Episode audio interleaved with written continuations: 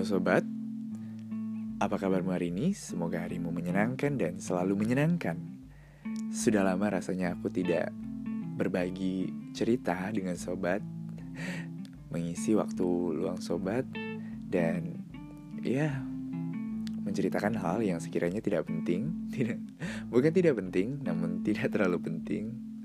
Tapi aku rasa itu adalah hal yang asik untuk dibicarakan. Nah di episode kali ini Aku bakal ceritain tentang pengalaman aku Yang pernah ngalamin situasi di mana Aku merasa ada hal-hal yang terjadi tidak sesuai dengan kehendakku Ada hal-hal yang terjadi di mana aku tidak pernah menyadari hal itu. Seperti aku merasa bahagia Tiba-tiba aku merasa sedih Tiba-tiba aku tertawa dan tiba-tiba aku menangis. Sobat-sobat yang ingin mendengarkan cerita ini Dan mau berbagi cerita, mari kita bercerita.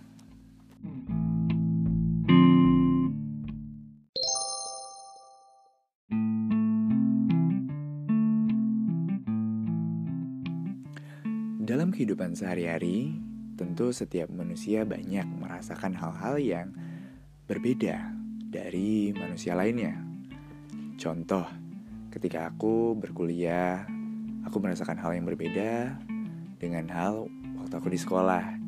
Atau walaupun aku sama kuliah dengan teman-teman sebaya aku, namun kita memiliki pengalaman yang berbeda. Nah, pengalaman itulah yang kita sharing, kita berbagi informasi, dan di situ kita bisa dapatkan sebuah pengalaman dan pengetahuan baru tentang hal-hal yang mungkin kita belum pernah alami. Nah, itulah yang mendasari setiap manusia memiliki hal-hal yang berbeda. Kali ini, aku mau berbagi tentang pengalaman aku yang sedikit aneh. Namun, aku rasa ini bukan hal yang aku hanya alami sendiri. Banyak mungkin di luar sana yang merasakan dan mungkin salah satunya yaitu sobat yang juga mendengarkan dan pernah merasakan. Kali ini yaitu tentang apa sih penyebab tiba-tiba aku sering merasa bahagia dalam situasi yang random dan begitu pula perasaan sedih yang kadang-kadang menghampiri setelah rasa bahagia itu datang. Banyak hal yang aku lakukan untuk mengulik apa sih sebenarnya yang aku rasakan, apa sih hal-hal yang aku alami ini untuk mengetahui sebenarnya apa yang salah dengan diri aku. Dan kemarin sempat browsing dan aku dapat info mungkin kita pernah merasa atau melihat langsung teman atau saudara kita yang tiba-tiba mendadak sedih atau tiba-tiba mendadak menangis. Agak aneh memang melihat orang dengan mood yang swinger, mood yang gampang berubah. Ya, perasaan sedih dia datang dan dan muncul tanpa didasari atas latar belakang yang jelas. Ada yang menjawab bahwa itu adalah sebuah bipolar atau berkepribadian ganda. Namun, ketika kita bertanya kepada psikiater atau orang yang sekiranya berkutat di ilmu psikologi, ada juga yang menjawab bahwa itu adalah hipopernia. Daripada aku menduga-duga, alangkah baiknya kita langsung bertanya, mendapatkan jawaban dari orang yang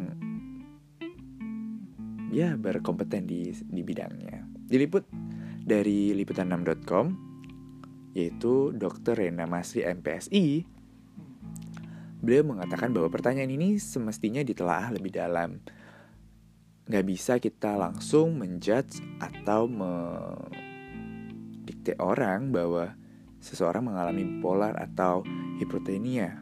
Hipoprenia, ya yeah, something like that. Aku suka susah mengucapkannya. Buat orang terkadang swing itu banyak hal atau faktor yang terjadi kata dia. Nah saat ini dalam keadaan sedih, dalam hitungan menit tiba-tiba dia bisa ketawa. Dikutip dari health has liputan6.com Selasa 27 Maret 2018. Memang sih hipokemia itu adalah gangguan yang membuat seseorang bisa sedih atau nangis secara tiba-tiba. Nah macam-macam juga penyebabnya, entah itu trauma yang tidak terselesaikan, perasaan kehilangan, dan sebagainya. Itu merupakan hal-hal yang sekiranya berpengaruh terhadap psikologi seseorang. Terlepas dari apa itu bipolar atau hipo hipo hipo apa sih? Hipoprenia mungkin aku bakal sharing secara pengalaman individual diriku sendiri merasakan hal itu.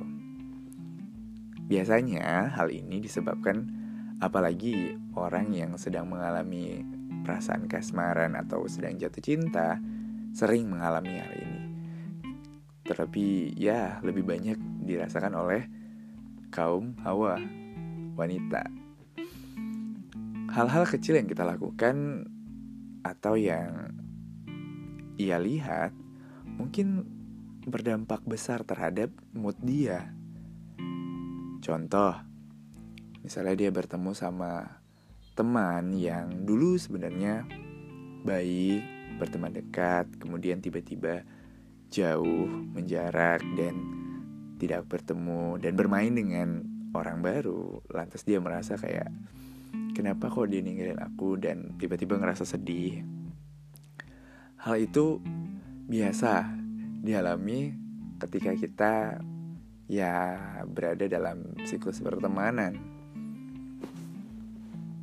Dan juga ketika kita punya pasangan dan pasangan kita tidak bisa memenuhi ekspektasi yang kita harapkan juga dapat menyebabkan rasa sedih yang kita alami dan kejutan-kejutan kecil yang kita dapatkan, entah itu dari teman, dari orang terdekat, ataupun dari keluarga, itu juga bisa menjadi faktor di mana kita bisa merasakan bahagia.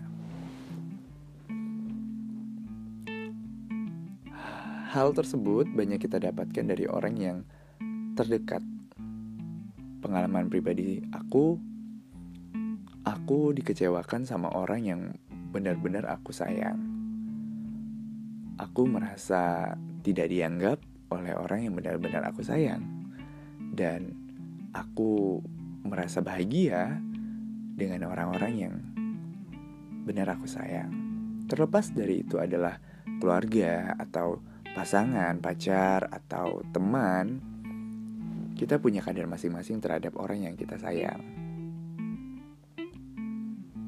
Namun biasanya rasa sedih, rasa senang, rasa sakit yang kita dapatkan memiliki persentase yang besar dari orang yang dekat dengan kita dan memiliki rasa yang lebih mendalam.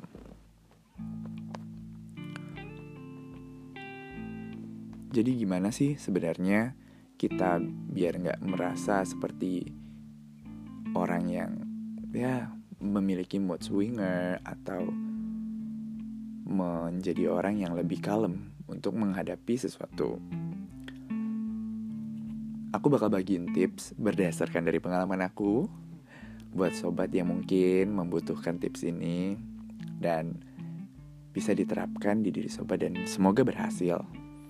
Yang pertama adalah jangan memiliki ekspektasi yang terlalu tinggi.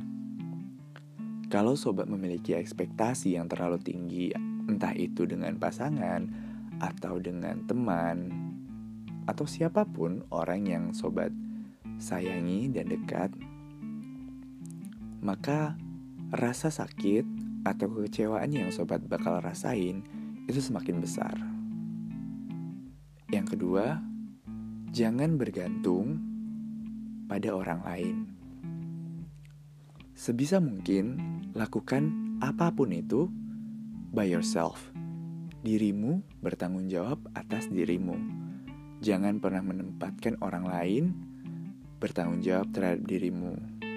Dan jangan pernah menyalahkan orang lain jika kamu melakukan kesalahan. Yang ketiga adalah berpikir dengan luas, pandangan yang luas. Kenapa? Karena berdasarkan pengalaman aku, aku pernah kecewa dengan orang yang sebenarnya tidak melakukan kesalahan. Contoh,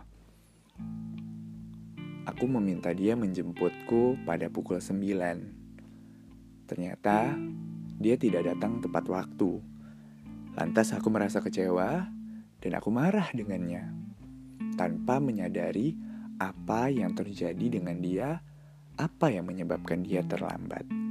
Lalu karena emosiku, karena amarahku, aku tidak peduli, aku tidak menerima alasannya dan aku mengacuhkannya. Setelah aku mengetahui, ternyata ada hal yang dia lakukan, ada hal yang menghalangi dia ketika dia ingin pergi. Entah itu ban bocor, entah itu masalah dia dengan orang lain, entah itu hal-hal yang menghalangi dia untuk bisa datang tepat waktu. Nah, effort dia, usaha dia untuk bisa datang tepat waktu itu sudah banyak, namun memang dia belum bisa datang tepat waktu. Nah, hal-hal yang harus kita pandang luas itu adalah sebagai reason bagaimana seharusnya kita bersikap. Selalu tanyakan kenapa dan bagaimana. So jadi kita bisa aware dan memikirkan lebih luas tentang orang yang kita harapkan sehingga kita lebih ya lebih bisa menerima keadaan yang terjadi saat ini. Mungkin tiga itu tips yang bisa aku sampaikan dan semoga bisa diterapkan di diri sobat untuk tidak terlalu merasa kecewa terhadap orang-orang yang sobat taruh kan sobat berikan kepercayaan dan sobat sangat sayangi sehingga sobat berekspektasi lebih dengan mereka. Yang pertama adalah jangan melakukan yang tadi itu aku lupa lagi. yang kedua, berpikir lebih luas, do it yourself dan jangan meletakkan ekspektasi terlalu tinggi. Jadi, yang pertama, jangan meletakkan ekspektasi terlalu tinggi terhadap siapa pun, even itu pacar, sahabat, atau saudara, atau orang tua. Yang kedua, do it by yourself. Lakukan sesuatu terhadap dirimu dirimu bertanggung jawab atas dirimu, dan yang ketiga, berpikir lebih luas tentang hal-hal yang berpengaruh dan juga memengaruhi hal yang kamu harapkan.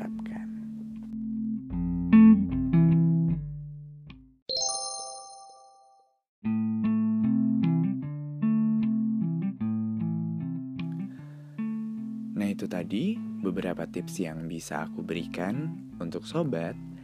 Semoga bermanfaat dan berguna dan bisa diterapkan di diri sobat dan mungkin orang lain yang membutuhkan tips itu. Berdasarkan dari pengalaman yang udah aku alamin dan hal itu berpengaruh signifikan terhadap bagaimana cara aku menyikapi diriku dan sikap yang sudah ada di diriku. Mungkin kita memang merasa seperti harus memiliki ketergantungan terhadap orang lain karena kita adalah makhluk sosial. Benar, kita membutuhkan orang lain untuk melakukan hal-hal yang kita tidak bisa lakukan sendiri. Namun, di luar sana banyak hal yang bisa kita lakukan sendiri dan banyak hal yang tidak semestinya kita ekspektasikan kepada orang lain.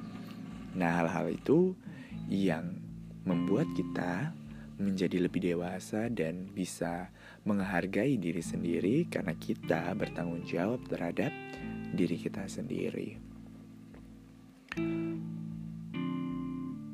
Mungkin banyak di luar sana sobat yang sudah menerapkan uh, metode, bukan metode, sudah melakukan hal-hal yang sudah aku bilang. Ya, itu bagus, berarti sobat sudah aware terhadap kepentingan diri sendiri, terhadap self control dan kekuatan diri sendiri. Aku pernah baca buku dengan judul Berpikir dan Berjiwa Besar. Buku itu sangat bagus, sangat recommended. Recommended. How good I say that. sangat recommended dan sedikit banyak berpengaruh terhadap cara aku berpikir.